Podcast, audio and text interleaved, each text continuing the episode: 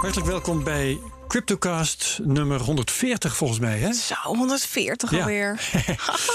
Hartelijk welkom Madelon. Jij ook, Herbert. En hartelijk welkom onze gast Patrick van der Meijden.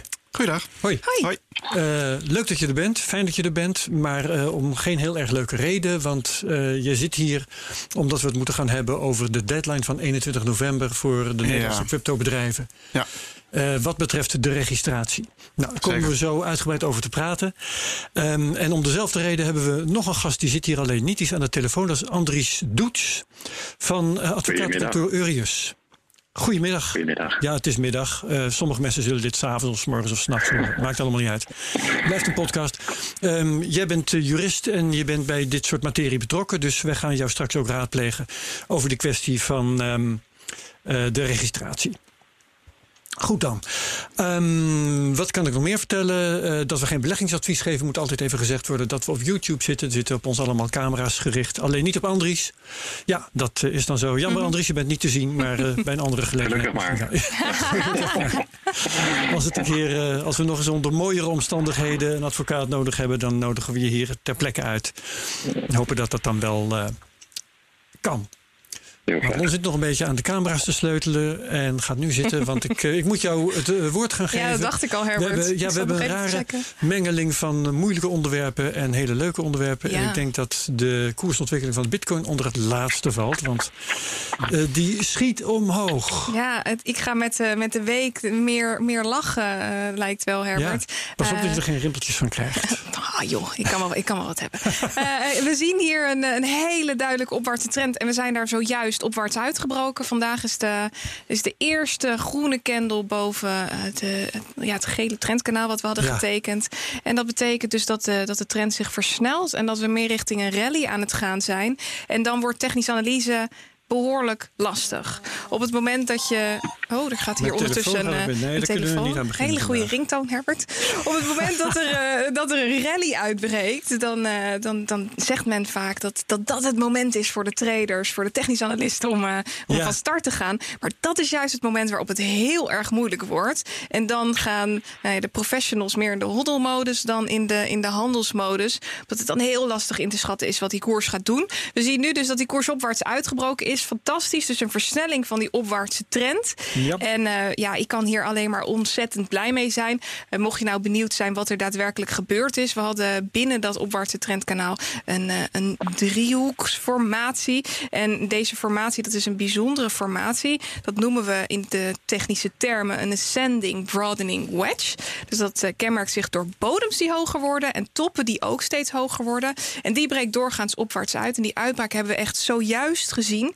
En dat was ook de sprint boven die, die, die gele eh, eh, weerstandslijn die we tot nu toe hadden. Dus die bovenkant Ja. van die eh, opwaartse trend. En de verwachting is wel dat we hier nog eventjes weer steun gaan ondervinden op dit niveau. En dan daarna verder omhoog kunnen. Dus het is eigenlijk super positief. Die trend versnelt.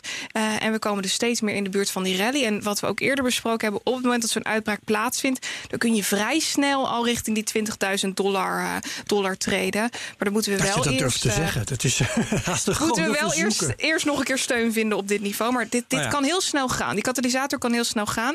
En ehm, ja, mijn nieuwtje sluit hier ook wel op aan. Ik weet niet of je dat gelijk wil koppelen, Herbert. Eh, ja, kom maar op. Want Ja. eh, dit, dit, is, dit is allemaal duidelijk genoeg. Hè? Ja, ik heb even zitten Ja. googlen. Eh, de term by Bitcoin heb ik even naar gekeken. En het was heel erg grappig om te zien dat we nu op nog geen tiende, een tiende zitten van eh, waar we nou, in december 2017 zaten aan zoekreacties op het woord by Bitcoin.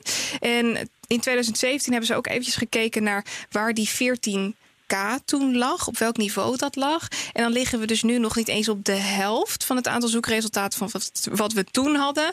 En mijn simpele conclusie zou zijn dat er heel veel institutioneel geld naartoe, eh, naartoe gegaan is. En dat we nog niet echt de retail, eh, retailmarkt zien. Die zijn we gewoon nog wat minder aan het zoeken Ja, bij ik. Bitcoin. Als ik gewoon kijk naar hoe dat in 2017 eh, ging, eh, dan hoorde je echt iedereen op straat er ook over Ja. praten. Dus had ik ineens naar een restaurant, dan hoorde ik een tafeltje verderop Ja. mensen over bitcoin praten. En dan dat was- schrik je ineens, Ja, dan dan denk je echt van, oh, wauw.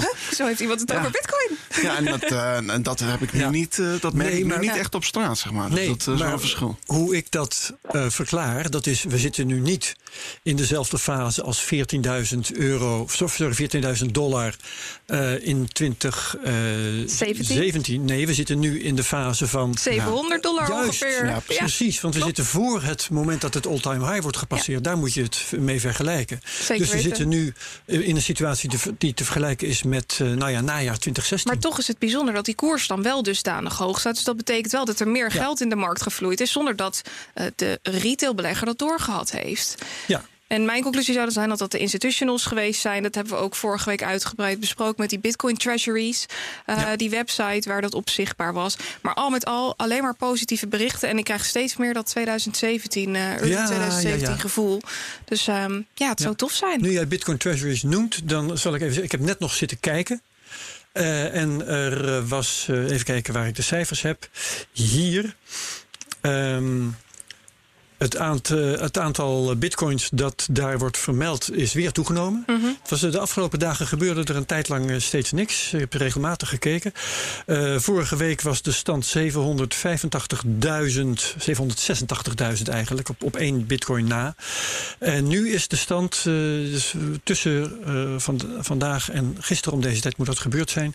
811.233 bitcoins.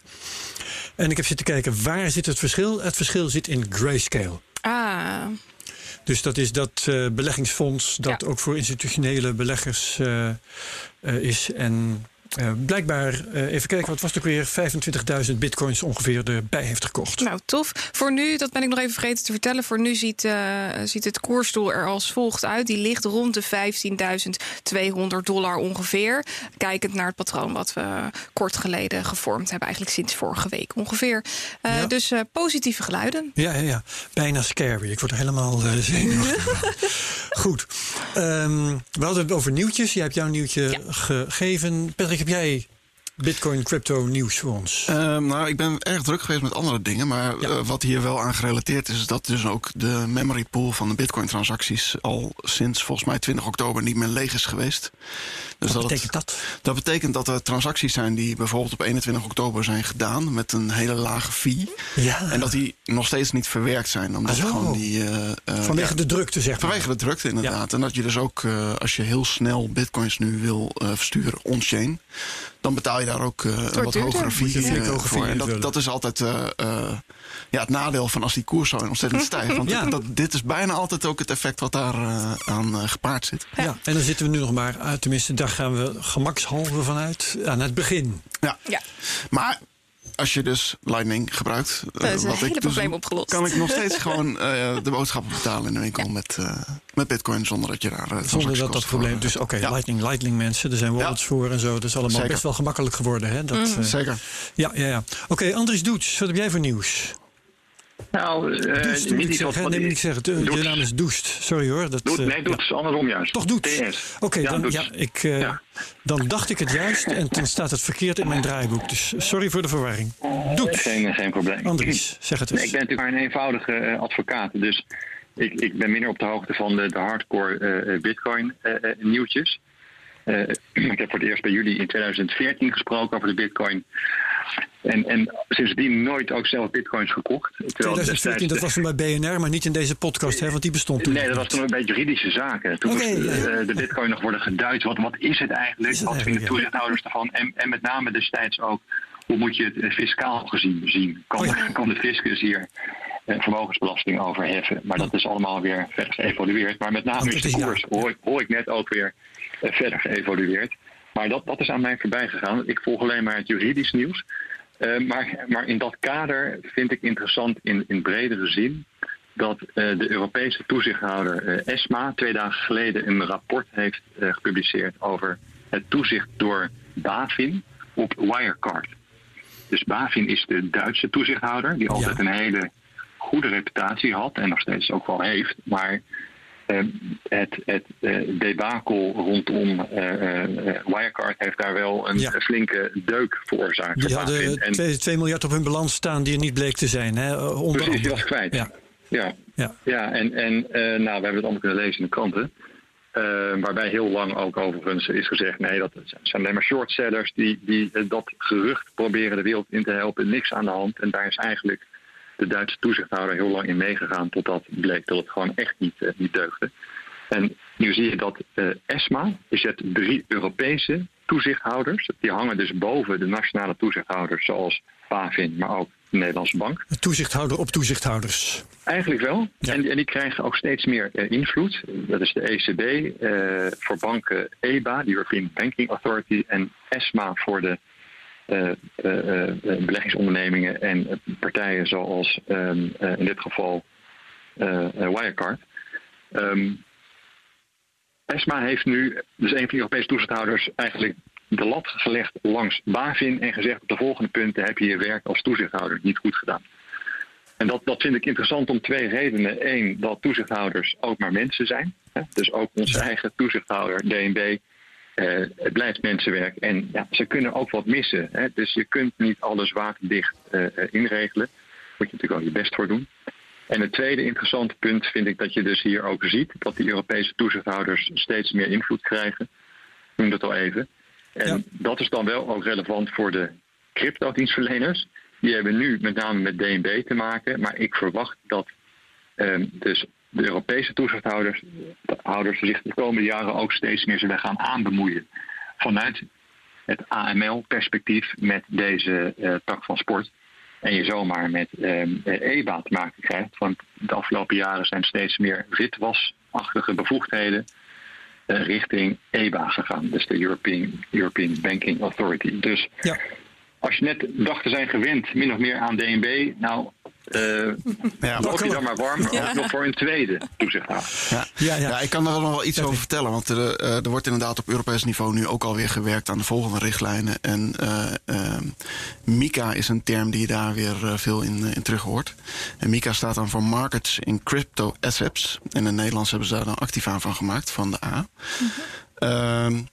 Maar van wat ik begrijp is dat dan alsnog uh, de partijen die onder uh, toezicht komen te staan van die nieuwe richtlijn, uh, door de lokale, dus de, de nationale toezichthouders komen te staan. Behalve wanneer daar stablecoins aan te pas komen. Die gekoppeld zijn aan, aan fiat geld, zoals de euro en de, en de, dollar. Dan zou je inderdaad wel onder de EBA komen te, komen te vallen. Dus dat zijn ook weer nieuwe ontwikkelingen die er die eraan zitten ja. te komen. Oké. Okay. Ja, maar en zelfs als je dan nog met de nationale toezichthouder te maken hebt, dan zie je wij wel dat dus op het gebied van guidance en uitleg van de regelgeving, dan EBA, verwacht ik, een steeds belangrijkere rol zal gaan krijgen. Okay. En dat kan je ook helpen trouwens, hè, omdat er natuurlijk nu veel gedoe is over het ontbreken van een level playing field over de uitleg van bijvoorbeeld, bijvoorbeeld Europese uh, sancties. Hè? Ja. Uh, maar, ook, maar natuurlijk ook de richtlijn waar het allemaal uh, mee begonnen is voor de cryptodienstverleners. En ja.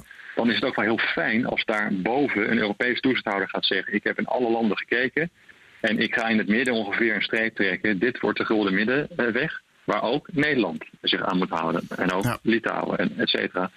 En je kunt dan ook wat eerder met een QA bijvoorbeeld ook kiezen voor de Europese toezichthouder. En zeggen, ik ga het niet aan DNB vragen. Ik vraag het gewoon meteen aan de Europese uh, toezichthouder. En dat, dat, dat kan voordeel opleveren, hoeft niet. Maar, maar het zou wel een level playing field moeten, moeten, moeten helpen creëren. Ja, Oké, okay. um, mooi bedankt. Uh, dan heb ik nog een nieuwtje. Uh, ik had al de, de treasuries, maar uh, dit vind ik nog wel even leuk om te vermelden. Um, we hebben te maken gehad met MicroStrategies. Mm -hmm. Die staan intussen ben het precieze getal even kwijt, maar ik dacht 120 miljoen of zoiets in de plus met hun investering van 425 miljoen dollar ja. in 38.250 bitcoins, in, uit mijn hoofd gezegd. Inmiddels staan ze al veel meer in de plus, omdat de koers fors gestegen is. Uh, ja, dat klopt, want ik heb gekeken naar hun laatste tweet en jij hebt ongetwijfeld weer een iets latere berekening. Maar goed, ze staan ruimschoots in de plus. Wat is nou het aardige? Michael Saylor, die is daar directeur mm -hmm. en ook de drijvende kracht achter deze investering, die heeft ook nog even bekend gemaakt um, wat hij zelf in uh, Bitcoin heeft gestoken. Iemand zin om te raden in welke orde van grootte ja, dat Ik weet ligt? het, ik hou mijn mond. Oh, je weet het. Ja, het is heel veel. Ja, want het bedrijf, Patrick, weet je, weet je nee, je zin om ik, gok te ik, doen? Ik heb het volgens mij wel gezien, maar ik, weet het, ik heb het niet onthouden. Dus, uh... Nee, Andries misschien zin om een gooi te doen? ik durf er niet aan. Nee, nee oké. Okay. Goed, um, MicroStrategy dus 38.250. Hij heeft persoonlijk ongeveer de helft. Oh. 17.732 bitcoin. Waarvan hij vertelt, en dat vind ik wel heel geestig, dat hij ze gekocht heeft uh, tegen een gemiddelde prijs van 9.882 bitcoins. Sorry, uh, dollar voor een bitcoin. En dat vertelt ons natuurlijk dat hij eigenlijk verrekte laat is ingestapt. Mm Hij heeft gewoon, um, nou dan moet je weer even rekenen, 177 miljoen heeft hij uh, geïnvesteerd in bitcoin. Op, uh, nou ja, uh, ergens een half jaar geleden, maximaal veel meer kan het niet Maar inmiddels zijn. wel tegen een waarde van 250 miljoen, Herbert. En toch alweer flink winst gemaakt. ja. ja, talk about whales. Ja. Dus dat is, dat is wel pikant. En. Maar wel, wel mooi dat hij... Um, dit ook met zijn eigen vermogen aandurft. Dus niet alleen met het ja. vermogen van het bedrijf. En dat, dat, dan heb je, wel, uh, heb je wel ballen en power. Ik vind dat, ik vind dat wel tof. Ja, dat je zowel weten. met je bedrijf dat aandurft als ook privé. Want het is natuurlijk, om dat privé te doen, Hij is altijd wat dat betreft ja. wel zijn nek uitgestoken. Ja, ja, ja, op het moment dat je voor 10.000 dollar per stuk bitcoin en Misschien heeft hij het wel eerst privé gedaan. Hè? Dat zou ook nog kunnen. Nou, en volgens mij is dat zeker het geval Ja. geweest. En is de er ook nog over, eh, over gesproken. kijkt wel, ja. Daar heeft Ja. hij vragen over gehad namelijk. Ah. Van zijn vrouw? Nou, nee, van, eh, van, van die eh, mensen die eh, iets met MicroStrategy eh doen. Oh, ja. Van, hey, Ah. hoe, in welke volgorde ging het eigenlijk? Ja. Ja, ja, ja. ja. Ja, ja. Front running. Ja. Mooi zo. Nou, ehm, dit soort bitcoin nieuwtjes hebben we ook in de crypto update. Dus als je elke week meer crypto nieuws wilt hebben, volg dan de crypto update. Zowel op de zender op woensdagochtend eh, tegen negenen is dat. eh, als ook in de vorm van een podcast. Moet je even naar bnr.nl en daar de link naar de podcast volgen. Dan kun je je abonneren op de crypto update. Ook via al die andere podcastplatforms. Maakt allemaal niet uit. Goed. We gaan het hebben over de regelgeving, Patrick. Ja. En dan moet ik even nog eh, memoreren in welke hoedanigheid jij hier zit. Je zit Ja. hier als de voorzitter van de Vereniging van Bitcoinbedrijven Ja. Nederland, VBN. VBNL? VBNL zelfs. Ja. Dankjewel. En eh, ja, jij bent ook eh, oprichter, directeur van Bitkassa. Bitkassa bestaat nog, maar jullie hebben de meeste activiteiten opgeschort. Hè? Wegens Ja. die regelgeving en het feit dat dat een blanco cheque zou zijn Klopt. aan DNB. Dus inderdaad, voor, eh, over Bitkassa valt op dit moment niet zoveel te vertellen. Ik, ik zit hier vooral inderdaad eigenlijk als vertegenwoordiger van 25 eh Bitcoin-bedrijven. Ja. eh, die gezamenlijk een brief hebben gestuurd aan de, aan de DNB. Even voor mijn beeldvorming hoor. Er zijn in totaal 52 bedrijven geweest die zich wilden registreren. Daar waren er tot anderhalve week geleden nog 48 van over. eh, uit mijn 38 hoofd. van over. 38 Ja. van over. En jij En- vertegenwoordigt dus 25 bedrijven van die 38 die nog over zijn. Betekent dat dat er bedrijven zijn afgehaakt of dat het niet Nederlandse bedrijven zijn?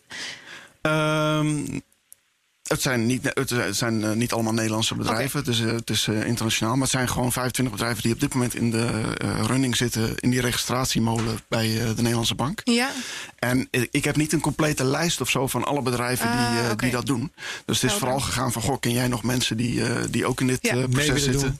Ja, en dan eh, kom je er. eh, kom je op een gegeven moment krijg je wel een aardige, een aardige optelsom. Ja, van, Het kan dus van wel zijn dat er nog meer mensen in de running zijn. Dus Zeker. niet dat er nog 25 Ja, over want ik heb na aanleiding eigenlijk van onze brief eh, ook weer eh, Ah. mensen gehad die contact hebben opgenomen van hey, eh, wij ervaren dezelfde. eh, Ja. Ja. Alle Dingen. berichtgeving die ik heb gezien, eh, die zegt dat er nog 38, zo 37 dus nog, nu nog in de running zijn. Mhm. Want één Amdax, die hebben we hier één of twee weken geleden op bezoek gehad, heeft Ja. die registratie gekregen. Ja. Ehm, nou ja, goed, jullie actie, dat bestond eh, uit een brief die 2 november is gedateerd aan de DNB. Maar vertel zelf maar. Ja, het belangrijkste punt is dat wij eh, dat er inderdaad nog steeds maar één partij is die nu die registratie heeft afgerond. En dat er gewoon een, eh, een deadline is van 21 november. Ja. Waarop die partijen die registratie moeten hebben van de Nederlandse bank. Of Anders- anders. Anders moeten ze hun activiteiten stilleggen. Ja, en dat is een bizarre maatregel. Nou, we, dan- we zitten nu twee weken voor die, eh, die datum eh, ongeveer. En nog steeds weten bedrijven niet of ze hun activiteiten mogen voortzetten na 21 november. En ja, dat is een krankzinnige situatie. Want het gaat echt om honderden medewerkers eh, die, eh, eh, die hier eh, op het Daarvoor spel staan. hun, Ja, en eh, honderdduizenden En klanten. honderdduizenden klanten inderdaad die dit, eh, die dit raakt. Ja, want dat Want wat gebeurt er als je, stel je hebt bijvoorbeeld eh, bij een, eh, een bitcoin wisselkantoor, noem ik dat altijd maar gehakt, gemakshalve, Satos, eh, Bitcoinmeester, BitMyMoney, Bit, noem ze allemaal maar op, eh, Ja. Lightbit. Eh, je hebt daar een tegoed. In Ja. bitcoins en je wilt wisselen, dan kan dat dus niet meer na 21 november. Stel dat de situatie van nu dan nog steeds bestaat. Ehm, ja, dan zou ik verwachten dat dat niet meer kan. Of er je moet, moet inderdaad iets. eh, eh, nou, of je niet bij je geld kan, dat weet ik niet helemaal. Maar het- er ontstaat een hele gekke situatie. Want eh, kijk, je hebt partijen die alleen maar omwisselingen doen en geen geld vasthouden van, eh, Ja. van klanten. Ehm, ja, die zouden in de theorie, net als Bitkassa, gewoon de stekker eruit kunnen trekken. En dan, Even tijdelijk eh, stil, Dan is het on gewoon klaar. Ja. Maar je hebt ook partijen die natuurlijk eh, een wallet eh beheren van die Aan klanten. die situatie dacht En ik even. ja, dat, ik heb eigenlijk geen idee. Misschien dat Andries daar iets over kan. Andries? Ja, vertellen. nee, dat, nee dat, inderdaad. eh, Allereerst heel lastig, inderdaad. Maar ik ben het met je eens dat, je daar, dat, dat het voor die partij lastiger zal eh, zijn. Want die, waar heb je, en wat is de, de, de activiteit waar je die registratie voor nodig hebt? Het aanbieden van die wallets.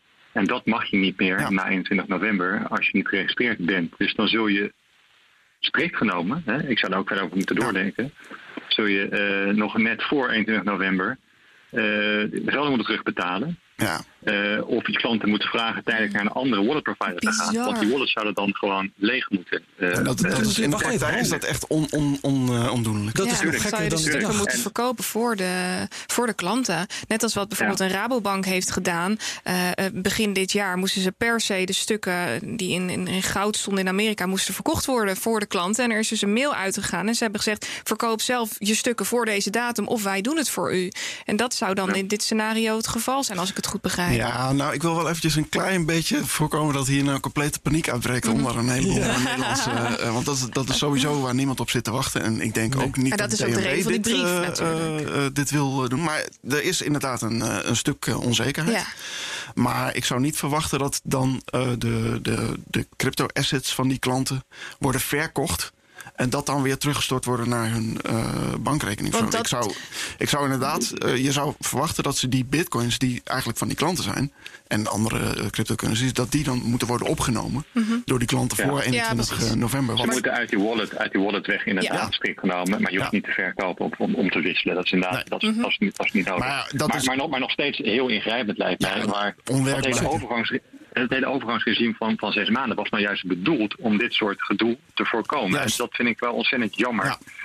Je hebt het over activiteiten die al plaatsvinden. Komt nieuwe regelgeving. Waar is dan een overgangsregime voor? Om die bestaande partijen de mogelijkheid te geven om geruisloos in te groeien in dat Ja. nieuwe gereguleerde kader. Ja. Maar dan, dan moet je dus wel ruimschoots eh, voor het aflopen van die termijn ook die registraties gaan verlenen. Uh, behoudens eh, uitzonderingen. Omdat je anders in dit soort in, in zo'n knelpositie terechtkomt, wat, wat nu dreigt te ontstaan. Wat Ja. natuurlijk ontzettend ingrijpend is eh, voor de markt. Laten we eventjes eh, opschorten wat, eh, wat voor situatie er zou kunnen ontstaan op 21 november. Want ik wil even nog, jullie hebben een brief gestuurd, Patrick, aan de Nederlandse Ja. Bank. Wat is de bedoeling van die brief? Nou, eigenlijk wel voorkomen dat eh, de situatie waar we het net voorkomen. over hebben, dat dat eh, ook echt. Goed, eh, nee, maar de eh, van die uitbreiden. brief wil ik even. Wat, wat Maar staat erin het, en eh, eh, eh, kijk, wat in is die, er gebeurd? in die brief staat dat eh, de Nederlandse bank een bepaalde manier eh, kijkt naar hoe de sanctiewet in elkaar zit. En dat is misschien goed om daar heel eventjes eh, eh, kort op, eh, op in te gaan. Ja.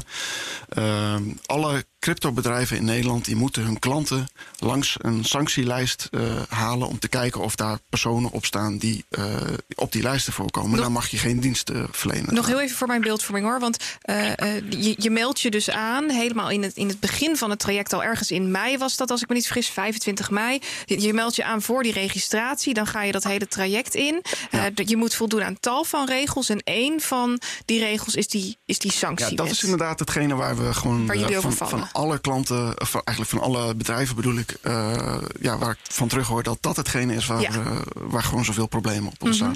Oké, De meeste helder. andere dingen, dat, eh, dat loopt wel, eh, wel redelijk oké. Andries wil wat zeggen. Ja, als, als, misschien eh, eh, wat nog interessant is daar, is dat die, die, die, die sanctieregelgeving helemaal geen onderdeel uitmaakt van de, de witwasrichtlijn. Hè? Mhm. Dus, dus, dus de- dat zijn echt twee gescheiden kaders. Je hebt de anti-witwas regelgeving, nou, heb je Europese anti-witwasrichtlijn, en daarnaast heb je economische sancties, wat eigenlijk een politiek pressiemiddel is. Hè? Dus de Europese Unie kan zeggen, hey, we hebben eh, we willen eh, eigenlijk een aantal landen of personen eh, het leven zuur maken, want daar zien we een noodzaak toe. Maar dat hoeft ook niks te maken te hebben met witwassen.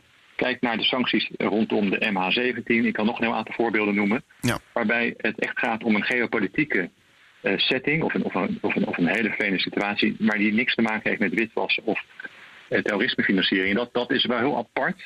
Wat even noemen, dat is eigenlijk hier die sanctiewet nu een rol gaat spelen in het kader van WWFT-toezicht op basis van de Europese richtlijn. Dat, dat is al ja. van begin af aan eigenlijk een rare setting. Maar, maar dat, dat, dat, dat dan uh, terzijde. Maar, van... nee, niet terzijde, want ik, nou, wil, nou wil ik ook eventjes weten of de Nederlandse bank ook inderdaad gehouden is om dit, ja. uh, deze beperking, hoe moet ik het noemen, uh, nu in te voeren. Of is dat zomaar op eigen nee. gezag door hun toegevoegd? dat, dat is interessant. Het is in ieder geval de implementatie van de Europese richtlijn maakt niet dat dit zou moeten worden meegenomen. Hè? Dus, dus dat, ja. Uh, had er gewoon buiten kunnen blijven. En verder moet een ieder in Nederland zich aan de sanctiewet houden. Ook jij, hè, jullie, mm. ik. Ja. De sanctieregelgeving uh, ziet op een ieder. Dus niemand mag gelden overboeken of ontvangen van gesanctioneerde entiteiten of personen. Dus je zou ook kunnen zeggen, ja, dat, dat, dat is een soort van uitgangspunt dat voor iedereen geldt. Dus dat kunnen we helemaal uh, dat hoeven we niet mee te nemen nu in de procedure in het kader van de, de, de toetsing van de registratie. Dus geen noodzaak om dat er nu in op te nemen. Nee, zeker. Nee, maar als... alleen, alleen, alleen het vervelende is wel dat de wetgever, dus dat kun je dan eigenlijk DNB uh, nou in ieder geval niet rechtstreeks nu verwijten. De wetgever heeft in de wijzigingswet WWFT die sanctiewet wel ook meegenomen en gezegd: hé, hey, mensen die registratie uh, willen, moeten wel ook kunnen laten zien dat ze zich ook aan de sanctiewet kunnen houden. Dus dat, ja. Ja. dat gaan we niet meer veranderen. De nu, nu Patrick met uh, nee, de rest van de uitleg. En dat dus houden aan de sanctiewet is ook eigenlijk helemaal geen, uh, geen issue. Want dat is ook precies wat bedrijven al doen. Als jij je aanmeldt bij zo'n bedrijf, moet je je, je paspoort overleggen. Ja. je wordt helemaal eigenlijk door de molen gehaald. Dat, dat, dat moet. Ehm, langs die sanctielijsten ook, uh, ook gelegd. En als je daar dan niet op voorkomt, dan uh, kun jij gewoon. Dan is het oké. Okay. Uh, dan, dan, is het oké, okay, dat zou je zeggen. Ja. Maar het heikele punt is nu dat er, er lijkt een soort extra eis te zijn ontstaan. Dat als jij bitcoins koopt bij een van die bedrijven en je wil ze opnemen naar jouw eigen wallet, dat het Bitcoin-bedrijf, het crypto-bedrijf, dan moet verifiëren dat het Bitcoin-adres wat jij opgeeft, waarvan jij zegt dat is van mijn eigen wallet. Uh, dat zij moeten verifiëren dat dat niet toebehoort bij iemand die op een sanctielijst uh, voorkomt. En nou ja, bitcoin-adressen zijn nou eenmaal niet gekoppeld aan identiteiten. Dus dat is een hele rare uh, ja, situatie waar je dan in belandt. En het is ook zo dat dit soort eisen eigenlijk ook in die, in die WWFT in eerste instantie min of meer stonden toen die wet ter uh, ja, review, zal ik maar zeggen, werd aangeboden, ook aan de sector. In de eerste versie. Mm -hmm. In de memorie van toelichting stonden daar toen uh, passages uh, in op die dit soort dingen beschreven. En daar hebben we toen als sector ook op teruggegeven. Ja, wacht even, je, een, een bitcoin-adres kun je niet koppelen aan een, aan een identiteit. Dat, dat, dat, dat gaat nee. gewoon niet. en toen is dat eruit gehaald. Dus uit die WWFT heeft dat er toen uitgehaald. En ja, nu lijkt DNB daar toch aan vast te houden op een of andere manier dat die cryptobedrijven toch die uh, adressen gaan ja. koppelen aan identiteiten en uh, verifiëren. En daar is pas kort geleden mee gekomen ook, hè? Dat, nou, dat werd dus inderdaad duidelijk uh, in, een, in een seminar die ze volgens mij in september. Waar, waarvoor ja. ze toen bedrijven uitnodigden, ja. inderdaad, ja. Ja, en de nieuwsbrief die daarop volgde. En inderdaad, de, de nieuwsbrief die, daar, die daarop volgde. En nu is het dus de vraag van, ja, is dit nou een extra eis of niet? En als het dan een extra eis zou zijn, dan zou dat op zijn minst ook met uh, uh, het ministerie van Financiën uh, besproken moeten zijn. en wellicht ook met de cryptosector. Maar ja, DNB zegt dat dat dan geen extra eis is. Maar ja, dan matcht het weer niet met de sanctiewet. Want dat daar... is wel een eis, maar die is niet extra of iets dergelijks. Nee, de DNB zegt van uh, nee, dit is, dit is gewoon de sanctiewet. Terwijl in de sanctiewet gewoon, uh, dat zegt notabene DNB zelf op hun website ook. Als je kijkt onder het kopje bij uh, verzekeraars.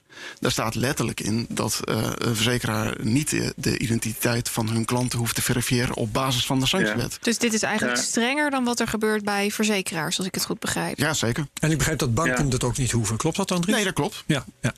Ja, ik, ik, ben destijds ook in die, in die, discussies rondom het verbond van verzekeraars en, en uh, de QA die er is gekomen over de verzekeraars, ben ik bij betrokken geweest. En kijk, uh, de screening is heel binair. Hè. Je moet kijken of relaties wel of niet op de sanctielijsten staan. Dat is gewoon ja of nee.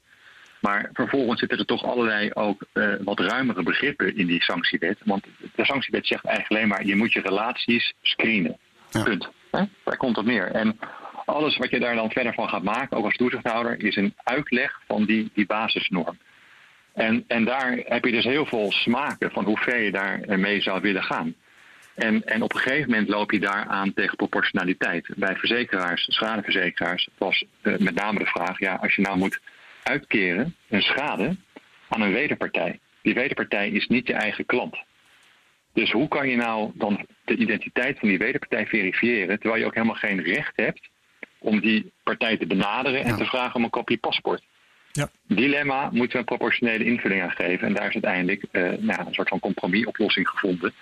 Um, uh, met de DNB en financiën, waarbij dan werd gezegd, nou, dat, dan moet je de risicocontext beschouwen. En in bepaalde gevallen kun je dan minder doen, in andere gevallen zul je meer doen. En, en nou ja, het zou mooi zijn als dat soort uh, nuanceringen ook nu in de crypto-context kunnen worden gevonden. Um, want om de vergelijking te maken met banken, ja, wat DNB nu verlangt van de cryptobedrijven, komt er, als ik het goed zie, op neer, als je het vergelijkt met een bank, dat dus je aan een bank zou vragen: oké, okay, je hebt de rekeninghouder geïdentificeerd, kopie paspoortjes, zo, allemaal heel mooi.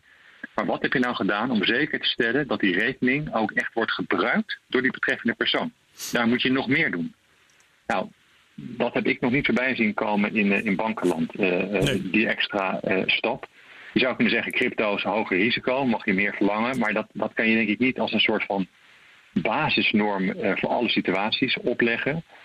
Um, plus werkt het ook echt. Hè? Dat, dat hoor ik met name terug vanuit de, de, de, de crypto sector. Ja, stroommanconstructies zul je nooit helemaal kunnen uitsluiten. Dat kan een bank ook niet. Dat, dat is een utopie als het ware. Terwijl je wel nu hele lastige zaken gaat vragen van, van de sector.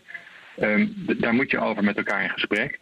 En het is jammer dat daar nu gewoon geen tijd voor is, omdat die registraties binnen twee weken er moeten komen. Ja. Omdat je anders in die, in die ja. zwemt. Daarom wil ik nu even terug naar die brief. Want uh, in, in, in die brief van jullie aan de Nederlandse Bank vragen jullie om overleg. Ja, klopt. Hoe is nu de situatie? Nou, we hebben daar een reactie op gehad dat er in ieder geval een overleg volgende week uh, ingepland kan Volgende week. Volgende week. Volgende oh. week. is er nog ja. maar één week tijd ongeveer. Ja, ja. het wordt wel steeds, uh, steeds krapper. En inderdaad. nog even om, om duidelijk een framework te schetsen. Hoor. Want in mei is dus die aanmelding geweest. Jullie spreken hier over maandag 21 september. Ik zie vaker september voorbij komen. Was dit al bekend dat die, dat die sanctielijst zo'n grote rol zou gaan spelen voor de cryptobedrijven? Of was dit pas vanaf september bekend en is er daarom zo weinig tijd geweest om, om de bedrijven hierop in te stellen? Want van mei tot aan september is toch een behoorlijke periode. Ja, maar toen, de, de, de, ook bij de registratieaanvraag was dit soort dingen was, was niet, duidelijk. Niet, uh, niet duidelijk. En dat is ook de reden waarom ze in september die, die webinar hebben georganiseerd. Mhm. Mm -hmm. om, dat, uh,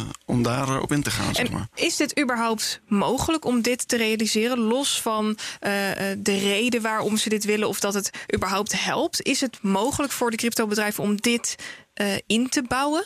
Nou, nee, je krijgt geen 100%, 100 waterdicht uh, iets. Dat kan gewoon niet. Okay. En ze, ze, doen zelf een aantal suggesties. Uh, dan ja. moet je denken aan een pennycheck. Nou, dan houdt het dus in dat je, uh, als je bitcoins wil kopen bij een bedrijf. En je wil dat vervolgens gestort krijgen op jouw wallet. Dan moet je eerst bitcoins vanaf jouw wallet naar dat bedrijf overmaken. Om te bewijzen dat dat adres van jou is. Ja. Maar ja, dat bewijst eigenlijk net, helemaal niks. Als je net je eerste bitcoin wil kopen, dan kan dat ook da, niet. Da, da, daar gaat het dan weer mis. Dan, dan, hoor ik alweer constructies waarbij je dan eerst een heel mm -hmm. klein bedrag of zo aan, aan bitcoins moet. Ja, ja, dat, dat, ook dat weer mag ook geld weer kost. niet van. Uh, want ja. de sanctiewet zegt het is vanaf elk bedrag, ja. uh, zeg maar. Dus dat mag ook niet. En, en het kost transactiekosten. En, nou, het is echt een. En ze hadden, ze hadden nog een, nog een andere uh, mogelijkheid volgens mij. Ze hadden het zelfs over videobellen ja. met een paspoort erbij, als ik me niet vergis. Ja, videoverificatie. Nou, op zich zijn er wel bedrijven die gewoon uh, een videoverificatie toepassen. Dat ja. je dan je paspoort moet laten zien. Maar betekent dat dan dat, dat als maar, ik een, een, gebruiker ben en ik koop een bitcoin bij een van deze partijen en ik stuur hem daarna door naar mijn vader of mijn moeder, dat mijn vader zich dan eigenlijk moet verifiëren aan. Ja deze partij. Dat is ongeveer wat ze nu een... uh, willen, inderdaad, ja. ja. Dat is hetzelfde, dus dat ik geld hier pin bij de Rabobank op de hoek maar en dan maar het aan jou nou geef. Alsof het alleen maar je paspoort omhoog houdt. Maar je moet dus laten zien dat je op dat moment inlogt in, je, in, jouw wallet.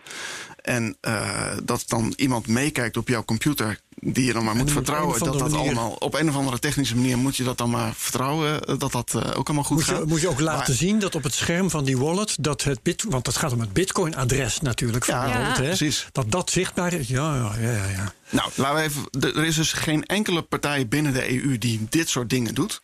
En wij worden Nee. gedwongen om ja, hier. uh, Niet, niet alleen uh, er is er geen enkele partij in de EU die dat doet met bitcoinbedrijven, maar ook Ja. banken en dergelijke die hoeven dat soort niet. Nee, Nee. Ook niet uh, die dat moeten doen of zo. Want nu Nee. de Nederlandse partijen dat volgens mij ook nog niet. Maar dat, uh, die moeten dat nu wel gaan doen. Dus. Ja. Um, Andries, en, en, de, en de, ja, zeg maar. sorry. Ja. Nou ja, de, de angst is, dat als de gedachte is, het vermoeden is dat, dat de registratie er wel afhankelijk van wordt gemaakt. Hè? Dat is niet Ja. helemaal Ja. duidelijk, Patrick. Misschien heb je er andere gedachten over. Nee, maar... nee dat, maar dat is het hele punt. Want uh, laten we even teruggaan. Het is een registratie en het is geen vergunning. En, ja, uh, zou eigenlijk geen enkele eis moeten. Gewoon uh, no Er zou- noteren nu. En het, eigenlijk zou het inderdaad gewoon moeten zijn als jij uh, naar waarheid invult hoe je bedrijf werkt en wie je bent. En je bent uh, gescreend als uh, directeur en, uh, en eigenaar. Uh, dat je uh, bekwaam en betrouwbaar bent. En uh, je stukken compleet inlevert, dan is het daarmee de kous af. En dan is het gewoon Zo zou het uh, moeten een registratie. Ja. Ja. Ja. Maar ja, dat is. Dat, Is dat, juist, dus- Andries? Eh, ja, dat, dat, dat, in ieder geval is daar. Eh, het, het- wat daar als je kijkt naar de, de, de discussie in de Tweede Kamer. Is, is dat gewoon heel raar gegaan, eh, wat mij betreft. Hè? Dat dus eh, de Raad van State heeft gezegd: het, het, het kan geen, stellige bewoordingen, dit mag geen vergunning zijn. Ja. Dat wat Patrick net zei, want dat zou in strijd zijn met, met eh, het Europees recht. Omdat ehm, de, de Europese richtlijn juist een registratiestelsel voorschrijft. Nou, en daarvan heeft de wetgever dan eh, gezegd: oké, gaan we daar registratie van maken. Ehm, de minister heeft daar ook allerlei uitlatingen gedaan eh, eh, in de Tweede Kamer. Die heel erg eh, luiden, inderdaad, zoals Patrick net zei. Nee, het is een registratie, een vergunning verleen je. krijg je toegekend, maar registratie doe je gewoon. En dat, dat soort dingen heeft de minister Ja. gezegd.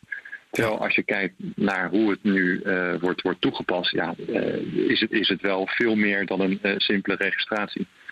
Ja. En, en daar zou ik aan willen toevoegen dat, dat de discussie over hoe je nou met deze sanctiewet eh, omgaat, hè, dit, dit onderwerp, die zou je ook kunnen verleggen naar na 21 november. Het is niet zo dat na dat moment eh, DNB nooit meer iets kan. En, en eh, een carte blanche met registratie wordt gegeven voor de markt. Nee, je kunt, dan, dan staan die partijen gewoon onder, laten we maar zeggen, doorlopend toezicht. Hè, voor zover je daarvan kunt spreken bij een registratie. Maar dan kan eh, DNB dus alle geregistreerde partijen aanschrijven met dit is zoals wij de sanctieregelgeving uitleggen. We verwachten dat je je daaraan houdt. Maar dan is de druk van de ketel. En dan kun je daar op dat moment een discussie over voeren. Het lijkt mij niet nodig om nu deze issue tot een, tot een soort van kernelement te maken ten aanzien van het al dan niet verlenen van, eh, van de registratie. Ja, dit- het, het lijkt echt alsof de DNB er totaal niet bij stilstaat. Dat er gewoon honderden banen van mensen op, eh, eh, op, het, eh, Ja. ja, op het gevaar lopen op dit moment. En dat bedrijven ook actief eh, nu eh, zo laat nog aan het kijken zijn van... oké, eh, wat nou als DNB inderdaad die registratie niet op tijd gaat verwerken? Ja, Eh, wat gaan we dan doen? Je, je Ja. moet dan op een je moet een noodplan maken. Je moet een noodplan maken. Dus er worden eh, plannen uitgewerkt om naar, eh, naar En buitenland dat komt eh, allemaal uit te wijken. bovenop eh, wat je toch al moet doen om aan de Zeker. registratie Ja. te voldoen. Dus er, Ja. wordt echt ontzettend veel energie verspild eh, eh, met deze manier Ja. van, van handelen. ik hoorde jou zeggen, bedrijven overwegen om naar het buitenland uit te wijken. Ja. Dus, nou ja, kijk, als je als bedrijf eh, het grootste deel van je klanten in Nederland hebt, dan kan je dat eigenlijk niet. Want eh, als je Nee. je richt op de Nederlandse Want dan moet markt. je juist weer in Nederland geregistreerd ja. Maar er zijn wel partijen die toch heel veel buitenlandse klanten eh, Ja. ook hebben. En die, die zijn wel aan het kijken van oké, Nederland is echt eh, helemaal gek geworden. Eh, Ja. eh, En als je kijkt naar de formaliteiten, je zou natuurlijk kunnen zeggen: Oké, ik ben dit bedrijf, ik heb klanten in Nederland, maar ik ga me vestigen in pak een beetje Zwitserland of zo, of Luxemburg. Eh, en ik richt mij niet meer op de Nederlandse markt, maar ja, mijn, dat mijn eh, klanten die ik al heb me volgen, kan ik verder niks aan doen. Is dat een redelijke stellingname? die, die, die laat ik aan Andries? Over. Ja. Ja, nee, dat, dat kan. Dat Kom je kan. Dus weg? dan, Ja. dan, eh, want, want dus de, de registratieplicht voor partijen, de registratieplicht geldt voor partijen die in Nederland gevestigd zijn, hè, of naar Nederland diensten aanbieden. Nou, als, als je niet met een van die, eh, als die twee elementen zich niet voordoen, dan heb je die registratie niet nodig in Nederland. Dus Ja. ik volg helemaal eh, zoals Patrick dat, dat net zei. En ik, ik zie dit ook in de, in de praktijk. deze, deze ontwikkeling. Uh, waarbij het ook echt wel een beetje ja, nu gewoon heel spannend wordt voor partijen. Maar waar gaat het nou heen? Dus en, bedrijf kan het, zich... het, is, het is niet vrijblijvend om even een paar weken op zwart te gaan. Hè? Dus, nee, nee, nee. Dat, dat, zou de toezichthouder zich misschien goed moeten beseffen. Kan, dat, nee. dat, dat kan je, je je kop kosten als het ware. Zeker dus in deze de tijd hè, trouwens, markt. als Ja. ik het even Mhm. erin mag gooien. Nu uh, we een, een bitcoin-hoos meemaken. Dit is het moment dat het telt voor die bedrijven. Ja. Ja. Absoluut. Ja, uh, maar ik begrijp dus, Andries, dat het uh, uh, doenlijk, het, nou ja, het is allemaal vreselijk, maar uh, in principe kan een bedrijf dus um, zichzelf uh, naar, naar het buitenland uh, exporteren. Of misschien een, uh, een dependance in het buitenland oprichten voor al zijn huidige bestaande klanten. En dan vervolgens kijken of hij alsnog geregistreerd kan worden in Nederland. Zoiets. Ja, met, dan zou je een nieuwe aanvraag kunnen doen inderdaad in Nederland. Of je, of je laat de bestaande doorlopen. Maar alle huidige activiteiten uh, gaan naar een, een, een andere lidstaat. Ja. Maar nogmaals, dan is het inderdaad wel heel belangrijk dat je dus niet alsnog in Nederland uh, actief bent. Hè, want dan, dan uh, is die activiteit illegaal. En, en daar zal DNB dan ook heel streng naar kijken. En dat, dat is dan weer een antecedent ten aanzien van je betrouwbaarheid als beleidsbepaalders. Daar, daar moet je wel heel voorzichtig ja, je in opereren. Ja, je krijgt wel een uh, kruisje achter je naam. Wat worden, nou ja, voordat je daar dus je, het voor jezelf onmogelijk maakt om überhaupt dan nog die registratie te krijgen. Dus, ja. dus het, is, het, is, het is tussen de rots door uh, laat weer om nu uh, ook als on ondernemer, denk ik, een, een goed plan B te ontwikkelen. Ja, wat voor plannen B zijn er nog meer, worden er nog meer overwogen, Patrick? Uh, nou, dit is volgens mij wel het enige wat ik zo hoor. Eigenlijk maar de enige optie. Ja. Ja. Ja, het is, het is te bizar dat, dit, uh, ja, ja, ja, het dat, is, we, dat we het hierover Ja, ja, ja. uh, over hebben eigenlijk. Ja. En nog- Ja, wat je, ja, plan, misschien goed om dat nog even te noemen. Je kunt natuurlijk ook nog proberen om DNB nu meer uh, achter de broek te zitten. Uh, Ja, klopt. Bestuur, uh, met een, uh, wat dan een bestuursrechtelijk heet, een ingebrekenstelling. Hè? Want wat deze cryptodienstverleners hebben gedaan, die hebben een aanvraag ingediend uh, bij DNB om een beschikking te nemen. Mhm. Uh -huh. Dus dat is gewoon, uh, ja, dan zit je in de sfeer van de algemene wet bestuursrecht. Dus vergelijkbaar met wanneer je een, een vergunning aanvraagt om een uh, dakkapelletje op je huis te zetten. En daar gelden beslistermijnen. En als een bestuursorgaan, in dit geval DNB, niet tijdig beslist, dan kan je het bestuursorgaan in gebreken stellen. Ja. Moet een, moet een brief zijn en zeggen, nou je had zoveel tijd, in dit geval hè, twee maanden is de standaard beslistermijn, netto, hè, want iedere keer als je informatie moet aanleveren gaat die klok weer even uh, u bent daar doorheen, stel dat dat het geval is, dat zal van zaak tot zaak uh, verschillen. U moet nu alsnog binnen twee weken beslissen en anders gaat u een dwangsom verbeuren. Dus dat is uitgewerkt in de Algemene Wet Bestuursrecht. En dat is dus een pressiemiddel dat je kunt inzetten. Uh, en als je dat zou willen inzetten, dan moet je dat dus uh, nog deze week doen. Wil je dat uh, die twee weken ingebrekenstellingsperiode ja. uh, nog op tijd ja. verstrijkt. Dat kan dus niet meer voor dat overleg van volgende week. Ja.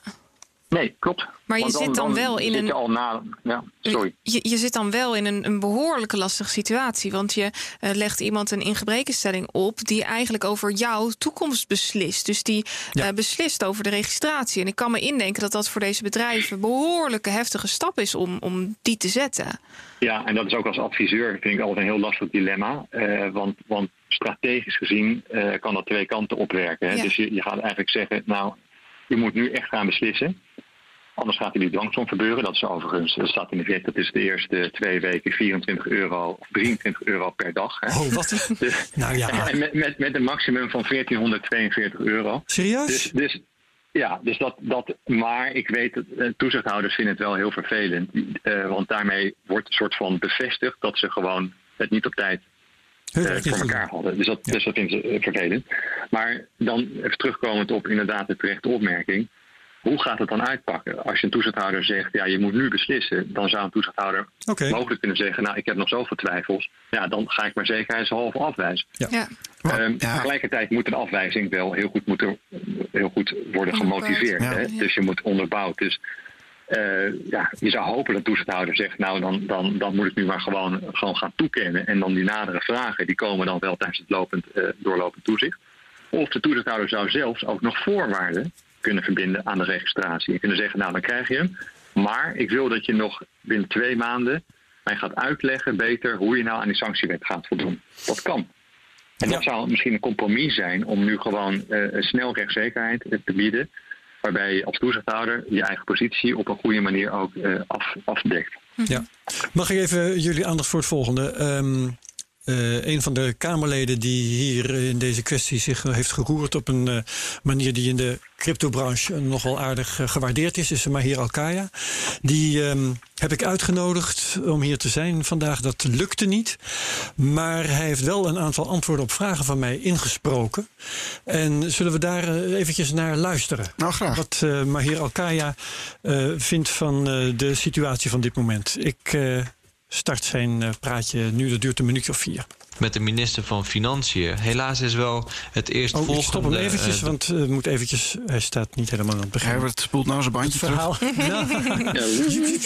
ja, met de ja, Het is een acute situatie en gezien de acute situatie... wil ik ook zo snel mogelijk hierover in debat met de minister van Financiën. Helaas is wel het eerstvolgende uh, debat waar we het uh, hierover kunnen hebben... is pas in december. Dat is dus na de deadline van 21 november.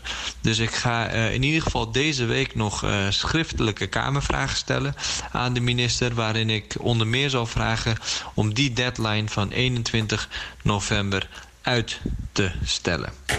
Um, daarnaast vraag hij ook uh, naar wat ik ervan vind dat de kosten uh, oplopen, de toezichtkosten, omdat die worden doorberekend aan de bedrijven in de sector. Ja, als er dus steeds meer bedrijven afhaken, dan worden die totale toezichtskosten steeds uh, over minder bedrijven verdeeld. Ja, wij hebben dus als Kamer, als Tweede Kamer al uitgesproken dat die hoge toezichtskosten geen belemmering mogen zijn voor kleine ondernemers om te opereren in de financiële sector. Dat is een motie uh, van mijzelf geweest en uh, die heeft de Kamer aangenomen.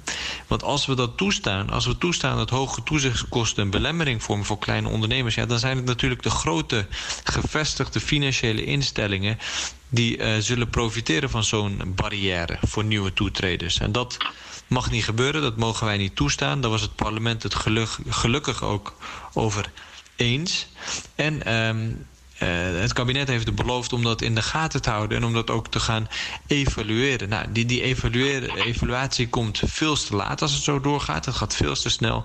Dus ik zal in het debat wat ik met de minister uh, daarover heb, zal ik ook vragen naar de mogelijkheden om die evaluatie naar voren te halen. Want de minister moet toch ook wel zien dat het op deze manier uh, niet goed gaat. Daar heb je geen officiële evaluatie voor nodig. Als je de ontwikkelingen volgt, dan zie je al dat die hoge toezichtskosten wel degelijk een belemmering aan het vormen zijn uh, voor kleine ondernemers. En dat mag niet. Dat mogen we gewoon niet toestaan met z'n allen als, uh, als uh, politiek hier in Nederland. Daar zijn we ons zelf gewoon echt en de sector tekort aan het doen. Nou, tot slot vraag jij hoe zijn we hier terechtgekomen en wat uh, had je anders willen doen? ik dus als politicus. Ja, kijk dit laat zien dat er vooral een kabinet zit dat er zit voor de gevestigde bedrijven in de financiële sector. En het protest daartegen, tegen die financiële sector, uh, dat na de kredietcrisis is ontstaan in de vorm van bitcoin, dat het zoveel mogelijk onmogelijk probeert te maken. Um, uh, en dat het geen oog heeft voor ook de mogelijkheden die dit kan uh, bieden. Ja, en tegen zo'n kabinet en zo'n coalitie van partijen kan de SP als oppositiepartij ook vrij weinig doen helaas. Meer dan wat ik, uh, wat ik tot nu toe heb gedaan en wat ik ook van plan ben te gaan doen. Dat is protesteren. Uh, bezwaar blijven maken in het parlement. Uh, en normaal gesproken doen we dat ook bij andere onderwerpen. buiten het parlement protesteren. En misschien heb ik als het gaat om dit onderwerp te veel gefocust op uh, mijn protest, mijn bezwaren laten blijken binnen het parlement en te weinig naar mogelijkheden gekeken om ook echt te protesteren buiten het parlement, buiten parlementaire actie. Uh, misschien digitale acties of iets dergelijks. Um, en, maar daar is het nog niet te laat voor. Dus als er bitcoiners zijn die uh, dit onderwerp ook belangrijk vinden en ook buitenparlementair samen met ons actie willen voeren hiervoor, om die zorgen duidelijk te maken aan de minister, duidelijker dan ik tot nu toe in het parlement alleen heb kunnen doen, ja, dan hou ik me daar ook voor aanbevolen. Uh, dan roep ik ze ook hierbij op om contact met mij op te nemen, zodat we misschien ook buitenparlementair uh, de, deze proteststem kunnen laten horen. Oké, dat is uh, Mahir Alkaya van de Socialistische Partij overigens. Uh, wat zeg je ervan, uh, Patrick? Hij gaat vragen of die deadline uitgesteld kan worden. Ja, nou, dat lijkt me, uh, als dat inderdaad kan. Ik weet niet precies hoe dat. Uh, Hij heeft Kamervragen uh, ingediend trouwens ja. intussen. En daar zit die vraag ook inderdaad in. Nou ja, dat, dat zou een eerste oplossing in ieder geval zijn. Ik heb liever, eerlijk gezegd, dat gewoon die registraties gewoon verwerkt worden. In plaats van weer het probleem uitstellen. Ja, ja ik, denk, ik denk dat verlenging ook niet, niet mogelijk is hoor, juridisch. Want, want dat staat gewoon in de wet. Ja, ja, dus in de implementatiewet staat dat overgangsbepaling nummer 5. Romeinse 5, daar, daar staat die zes maanden in. Dus dat, dat, dat, ja, dat, dat moet alweer door het ja, parlement. Zes maanden gerekend vanaf 21 mei. Dat ja, is het. precies. Ja. Ten, tenzij de minister met een, met een soort van vrijstelling zou kunnen komen. Maar ik, ik weet ook niet of dat haalbaar is uh, binnen een tijdelijke vrijstelling. Uh, binnen deze korte termijn. Uh, en ik weet niet of daar een grondslag voor is in de wet. Hè? Want de minister kan alleen maar vrijstelling geven als de wet in formele zin daar grondslag voor biedt. En volgens mij biedt de gewijzigde WDFT daar geen grondslag voor. Dus dan blijft going forward inderdaad alleen over wat Patrick nu ook zei, de toezichthouder. Die, die uh, hopelijk uh, besluit om bij, bij uh, partijen waar, waar het op de, de, kernpunten gewoon in orde is, die registratie tijdig te verlenen. En dan eventuele resterende punten vervolgens adresseert in het kader van het doorlopend toezicht. Ja, maar in ieder geval niet het verstoren niet met van... voorwaarden aan, aan die registratieverlening, wat, wat nog een, een, een optie is. Ja. Ja, en hetzelfde geldt misschien, Andries, voor die evaluatie. Hij zegt van, ja, die evaluatie moet uh, misschien eerder. Uh, maar de, de motie waarin die evaluatie is gevraagd... en die is aangenomen met algemene stemmen... daarin staat ook gewoon een termijn van twee jaar... vanaf de datum van die motie. Dus uh, als, zeker als Hoekstra geen zin heeft... en waarom zou die zin hebben? Want tot nu toe is, is hij niet erg coöperatief volgens mij. Um, dan, heeft, dan, is, dan, dan, dan, dan hoeft dat helemaal niet. Ja, ja nee, uh, eens. Ik zou het interessant vinden om ook de minister te confronteren met zijn eerdere uitspraken hè, van hemzelf. Welke? En, en die, nou ja, in, wat ik in de zin, uh, hij heeft eerder dus uitgelegd waarom het hier om een registratieregime zou gaan. Ah, ja. Een hele stellige bewoordingen. En hem, hem, te laten uitleggen hoe dat zich verhoudt met uh, X, Y, Z. Dus elementen die nu in het daadwerkelijke proces zijn opgekomen. Want dan, dan wordt hij gedwongen om daar toch ja, kleur te bekennen, zou ik, zou ik zeggen. Ja, um, en dan hebben we nog ja, buitenparlementaire actie. Uh, nou ja, Hoe ik, denk jij daarover, Patrick? Uh, ik, ik ben blij om te horen in ieder geval. Uh, ja, ik heb nog niet echt een beeld van hoe dat, er, hoe dat eruit gaat zien. Anderhalve nou, meter afstand en, natuurlijk en, al. Een hashtag misschien. Een Nou, hashtag dat op me- Twitter. En dat, dat- we gewoon met z'n allen dan meneer Hoekstra taggen daarin. Dat hij begrijpt dat er hier iets aan de hand is. Maar goed, misschien dat Mahier er zelf eh, eh, ja, misschien nieuwe, nieuwe ideeën op heeft. Of We dat iedereen hem mailt of iets dergelijks. Ja, dat ik gaan we vind, sowieso ik vind doen. dat, eh dat eh, Mahier eh, heel vaak dit soort onderwerpen wel heel goed aanpakt. Als eigenlijk een Ja. van, de, van de weinige Kamerleden. Nee, dat is, zou- zou Hoe snel, moet, veel, hoe snel moet Hoekstra hierop reageren eigenlijk? Op, Op de deze vraag, vraag, van meestal drie weken volgens mij. Dus dan kan het ook nog te laat zijn. ja, hij kan volgens mij nog uitstel krijgen. En dan is het zes weken. Dus, eh, Ja, hij, hij wel. Ja. dus dat. eh, ja, weet je wat Ja. het ook is? Kijk, we hebben het nu over die, eh, die registratieaanvragen. Maar als je gewoon kijkt. eh, de- de- volgens mij hebben er zich uiteindelijk eh 55 of, of zoiets bedrijven eh, zijn gestart met die registratie. Er zitten er nu nog. eh, er is er eentje door en 38 zitten er nog in de wacht. Maar er is er dus nog geen één afgewezen. Nee, Er zijn allemaal bedrijven die gewoon uit zichzelf gestopt zijn. Omdat ze eh, er geen hel meer in zagen om dit eh, nog eenmansbedrijven, te- bedrijven die zeiden... dan ga ik wel naar Panama. eh, Ja, alles of- zit ertussen. Nou, die zijn waarschijnlijk niet eens eh, gestart met die, met die registratie. Maar ook de bedrijven die, eh, die echt gestart zijn met de registratie. Er is er nog geen eentje die daadwerkelijk een, een Nee. afwijzing of zo heeft gehad. Dus En dat, dat precies, dat heb ik ook begrepen, Andries. Ehm, als je niet bent afgewezen, kun je ook niet in beroep gaan. Nee, dat, dat, dat, is, eh, dat is natuurlijk ook heel lastig. Dus je, je hebt inderdaad, wil je naar de bestuursrechter kunnen, heb je een, een besluit nodig. Ja. Ehm, anders, anders, anders kan je niks. Ehm, tenzij je in gebrek hebt gesteld. Want dan niet alleen gaat dan op een gegeven moment het bestuursorgaan Ja. eh, eh, een dwangsom gebeuren. Maar dan, Dat kun je de- ook, dan creëert dat een ingang naar de bestuursrechter. Het enige wat je Ah, verder zo. zou kunnen doen is naar de, naar de civiele rechter. Hè? Dus dat Een een- kort geding, eh wegens Kort geding, weet ik want veel wanprestatie of zoiets. Of, Ja, eh, daar kun je heel veel. Dat is een soort van restrechter is dat. Als je er echt niet uitkomt met de andere rechters, dan kun je altijd nog naar die, die rechter.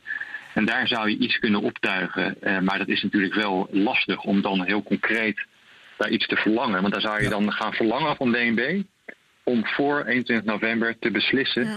op deze eh, registratieverzoeken. Ehm, en, en DNB daartoe te dwingen. Dus dat is, dat is dan Maar ja, dan krijg je allerlei juridische vragen hoe dat zich dan verhoudt tot de mogelijkheid van ingebrekenstelling. Ja. Ehm, En jij zei ook al, eh, bedrijven zitten waarschijnlijk niet te springen om eh, die gok te wagen. Want voor hetzelfde geld word je dan juist afgewezen. Eens, eens. Misschien zou je in kortere dingen ook eh, kunnen vragen om te bevestigen door de rechter dat, dat wat nu verlangd wordt van partijen ten aanzien van die sanctiewet, dat daar geen grondslag voor is in de wet. Maar, maar nou, het, het, het is in ieder geval heel lastig om dat nog op te tuigen in de twee weken die nu resten. Nog los van, van de vraag of dat, eh, ja, wat de uitkomst zou zijn van zo'n eh, zo'n procedure. Ik begreep ook, Patrick, dat eh, de, je, je zit hier namens 25 bedrijven. Hè, dus die, die bedrijven uit de, de Nederlandse cryptowereld... die, nou ja, die je toevallig op tijd wist te bereiken en zo. Ja. Ehm, ik begreep ook dat die bedrijven niet erom zitten te springen om hun namen bekend te, te, Nee, te klopt. laten worden. En eh, laat staan om bijvoorbeeld ook mee te gaan naar zo'n overleg volgende week. Want Ja. je steekt je nek uit. eh, Ja. Voor hetzelfde geld zeggen ze: Oh, eh, ben jij er één? Nou, dat. eh, Ja. er is angst. Stond ook Er in een is, stuk in het FD van de week. zeker, absoluut. Nee, er zijn, eh, eh, ja, er zijn echt van eh, bedrijven die zeggen van ja, ik, we vinden het wel heel spannend om hier, hier eh, aan mee te werken. En Ja. ik had het liefst gezien dat iedereen gewoon eh, zijn naam erbij zette. Maar dat was echt geen optie eh, voor, eh, voor het gros van de, van de bedrijven. Ja. Ja, die willen gewoon niet eh, het vizier van DNB op zich gericht krijgen in deze, deze kwestie. Dus hoe gaat dat dan verder? Volgende week is er overleg. Ja. Wie gaan daar naartoe?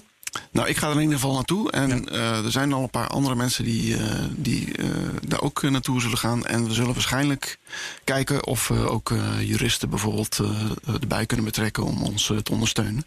En dan moet je denken aan juristen die meerdere van die bitcoinbedrijven bijstaan in dit registratieproces. Ja. Andries, ehm, ja, ik kan natuurlijk vragen. of- bijvoorbeeld Andries. Bijvoorbeeld Andries. Heb je nog tijd ik- volgende week?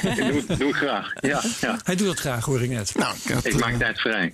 dat Ja. eh, Oké, dat is fantastisch. lijkt me zeer nuttig. Ja. Eh, En heb jij verder, Andries, nog, eh, weet ik veel, voorspellingen of adviezen eh, waar bedrijven eh, en misschien ook wel klanten van die bedrijven wat aan hebben op dit moment? Nee, nee, nee, niet anders dan al. eh, nee, ik heb al een aantal dingen aangestipt. Het is gewoon het jammer dat nu een soort van trechter is ontstaan. Hè? Die natuurlijk niemand, denk ik, zag aankomen. Waardoor je nu eh, het risico loopt om achter de feiten aan te gaan, gaan hollen. Ja. ja, overweeg nog die ingebrekenstelling die ik al, al noemde. Maar dat zul je op, op, eh, van case to case moeten, moeten, moeten beoordelen. En Ja. daar ook misschien advies over moeten inwinnen van een specialist. Ja, oké. Ehm, Patrick, slotwoorden? Nou ja, kijk, eh, waar we het eigenlijk ook nog niet echt over gehad hebben, is dat doordat er zo weinig bedrijven nu geregistreerd eh, zijn, die kosten van 1,7 miljoen, De, ja. Die gaan straks allemaal naar Amdax. dat, eh, dat zou vervelend zijn. Nee, maar daar heeft... Was, eh, was daar toch niet een, een, een van de nood... eh, Ja, daar is een motie voor aangenomen dat dat- voor? dat, dat dat verdeeld, evenredig zou, verdeeld zou worden binnen de bedrijven. Dus dat het naar rato verdeeld zou Ja. worden. Daar heeft Hoekstra volgens mij ook akkoord op ja, maar dan gegeven. moeten ze wel geregistreerd Maar ik zijn. dacht dat er ook een beveiliging Ja, dat was om te voorkomen dat eh, het op die manier uit de hand zou lopen. Weet jij er Volgens iets van, is Andries? hier wel mee bezig geweest. Nou, volgens mij is het echt zo dat gewoon eh, als eh, dit jaar eh, alleen als er maar één bedrijf geregistreerd is. Moet Amdax alles betalen? Ja, nou, de bedrijven die nu op dit moment actief zijn trouwens, die zouden dan, dan waarschijnlijk ook nog aan, aan mee moeten eh, betalen. Actief in de registratieprocedure. En ook gewoon Ja. actief in de Ja, bedrijfsvoering. want die blanco check, zoals we dat ooit hebben genoemd, Ja. die, die hebben ze dan in feite afgegeven. Andries, wat wou je zeggen? Nee, dat, is een andere wet voor. Dus de wet bekostiging en financieel toezicht, daar is dat helemaal in uitgewerkt. Maar dat, dat is echt een vrij, eh, dat is een puzzel. Eh, maar een rigide puzzel. Dus er kunnen rare dingen uitkomen. En, en dan moet je mogelijk weer naar de rechter om dat dan te gaan aanvechten op basis van een soort van uh, hardheidsclausule. Wat, wat overigens ook apart is, dat in andere landen soms toezicht helemaal door de belastingbetaler wordt betaald. Hè? Dus dat verschilt van land tot land. En in Nederland zijn we er heel ver in gegaan na de kredietcrisis, omdat vrijwel helemaal bij de, de sector zelf neer te leggen. En dat, dat, nou ja, dan heb je het weer over Ja. het level playing field waar het weer over had. En dat is ook nog eens een keertje volgens mij deels een gevolg van het eh, aanstellen van DNB als toezichthouder. Hè? Want ik begreep dat als het de AFM was geworden, dat het toezicht minder duur Ja, was ja. AFM of Bureau Financieel Toezicht. Als het inderdaad ook, eh, had je dit ook niet gehad. Ja, Ja, we zijn, nog, we zijn eigenlijk nog één ding uh, vergeten wil ik niet zeggen, maar we hebben één ding nog niet aangestipt. Ja. Uh, en dat is eigenlijk de reden waarom dit zo lang heeft geduurd. En waarom überhaupt die, die sanctielijst, waarom dat zo'n belangrijke rol speelt. Want waar, waar, waar ik over na zit te denken, is wat is de reden dat Nederland hier juist zo erg op hamert? Op het moment dat je namelijk inzichtelijk hebt wie de wederpartij is, wie welke bitcoins naar wie stuurt en waarom, dan maakt het het voor de Nederlandse bank wel heel makkelijk om te begrijpen wie er allemaal in bitcoin zit. Kan makkelijk uh, belastingontduiking nagegaan worden. Uh, kunnen ze ook makkelijker gericht sancties toepassen op de cryptomarkt als ze dat zouden willen. je krijgt zo de hele grijze markt compleet op tafel. Ik vraag me af wat de reden is dat ze hier zo streng op, op hameren. Ik weet niet of jij. Nou, ik denk dat het een averechts effect gaat hebben eigenlijk. Want uh, als je die draconische maatregelen die zeg maar nu mm -hmm. besproken worden, van dat je zou je kunnen gaan doen. Ja. Als je dat gaat uitvoeren, dan gaat, dan gaat niemand meer. Uh, bij deze bedrijven kopen en het Ja. gewoon bij andere bedrijven Ja. doen. En is Ja, het uit dan ga je van, eh, buiten van Nederland. DNB. Precies. Ja. Het zijn En dan, communicerende eh, vaten. Hè? ja. Er zijn Ja, genoeg dit- bedrijven in Duitsland, eh, weet ik veel, Zwitserland. En Ja, ook de of- concurrentiepositie voor de Nederlandse bedrijven eh, zal dan verschrikkelijk Ja, zijn. dit is eh, vrij rampzalig inderdaad eh, daarvoor. De, ziet de Nederlandse bank dit? Ziet de minister dat? Nou ja, ik hoop het. Ja. Je, hebt, je hebt geen. Ja, Andries, heb jij eh, inzicht in wat ze, wat ze bezielt? Nou, ik, ik, ik ben niet. eh, ik zie daar geen soort van grotere eh, conspiracy theorie Geen of zo. Dus, dus, dus nee, ik denk dat ze gewoon een werk heel serieus nemen hè, bij, bij DNB. En, en het is gewoon in Jij moet ook Nederland nog heel met veel door één focus. deur, begrijp ik. Ja, nee, eens. Nee, maar, maar, maar eh, het gevaar daarvan is natuurlijk dat je alleen maar door die bril gaat kijken. En, en eh, een toezichthouder moet ook de, de belangen van de markt meewegen in mijn, eh, mijn optiek. Een professionele benadering brengt dat, Mhm. brengt dat mee. En dan moet je daar tot een oplossing komen die voor iedereen eh, goed werkt. En dat, dat, dat mis ik. eh, Ja. Ja, en dat is misschien wel eh, een mooie afsluiter. Dat we gewoon inderdaad volgende week, als we dan het gesprek aangaan met, eh, met DNB. Ja, hopen dat we dit gewoon tot een goed, eh, voor iedereen een acceptabel eh, eh, eind kunnen, kunnen brengen. Want Ja, natuurlijk. ja, Dat, die is- registratie zo snel mogelijk erdoor is. Ja. Ja, we zullen er toch met elkaar uit moeten komen, lijkt me. Ik denk Ja. dat DNB er ook niet op zit te wachten dat er straks niemand... En Andries, als ik jou eh, goed eh, heb begrepen, dan is dus een, een optie, ook voor de toezichthouder, is een voorlopige registratie. Iets eh, waardoor je ervoor eh, voor zorgt dat, dat opties open blijven voor na de datum van, van registratie. Dat wat de DNB eventueel wil, dat dat daarna eh, mogelijk alsnog ingevoerd kan worden. Maar met meer tijd. Ja, en, en, en iedere registratie is per, is per definitie voorlopig. hè. Want in de wet staat dat je hem Ja. ook weer kunt kwijtraken als je niet aan de wet houdt. Ja. Dus, dus in die zin hoef je ook niet, eh, moet natuurlijk de basis op orde zijn. En, de- en de bestuurders moeten betrouwbaar en geschikt zijn. Hè? Maar, maar dan, dan hoef je niet te angstig te, moet je ook niet te angstig zijn, laat ik het zo zeggen, om die registratie te verlenen. Want je, daarna kun je gewoon met je toezichthouder de taak vet. Oké. Ehm, is er een, al een afspraak voor dat overleg, Patrick? Nog niet. Oké, dus er is geen datum. Er is nog geen datum eh, eh, vastgezet. Oké, nou, ehm, dat kunnen we dan nu niet doorgeven. Maar eh, we gaan wel volgende week, denk ik, hier nog op terugkomen. Ja, zeker. En eh, voor, als het mogelijk is, eh, daar dan verslag van doen. Hè? Dat eh, zullen we dan even afwachten wanneer dat precies uitpakt. Ja, als, ik hoop dat ik iets, iets goeds te melden heb. Eh, Ja. dan. Laat Ja, het hopen. Oké, eh, voor dit moment bedankt. Patrick. Hartelijk dank voor de uitnodiging. Ja, Patrick van der Meijden. eh, Andries Loets van. Urius. Ook heel hartelijk bedankt. En voor volgende week hebben we, behalve dat we dus hier zeker op gaan terugkomen, hebben we nog iets anders. We spreken namelijk Milo Fase van Coin Request. Ja, dat wordt En daar weet jij alles van. Ja, tikkie voor WhatsApp. Of tikkie. Ja, tikkie voor WhatsApp. Daar lijkt het op, maar dan met Bitcoin. En Milo die heeft dat een, eh, een hele poos geleden al eh, in het leven geroepen. En hij heeft een deel van zijn bedrijf onlangs verkocht. Daar gaan we het met hem over hebben. Dus ik ben heel erg benieuwd naar hoe dat verlopen is. En hoe de doorontwikkeling van, eh, van dit geheel eruit komt te zien. Daarover volgende week meer. Oké. En ook over de koersen natuurlijk. Ja, ja, zeker weten. Ehm, als je deze aflevering leuk vond, of in ieder geval interessant, want zo leuk was het allemaal niet, eh, kun je hem delen op Twitter. Gebruik dan de mention at CryptoCastNL. Reviews achterlaten op iTunes, Apple Podcasts. Ehm, en op YouTube natuurlijk like, like subscribe en comment. al die dingen. Voor ehm, de CryptoCast, dank je wel. Ja, Herbert, jij bedankt. Madelon ook. Heel graag tot volgende week. Oké, tot ziens. Maar-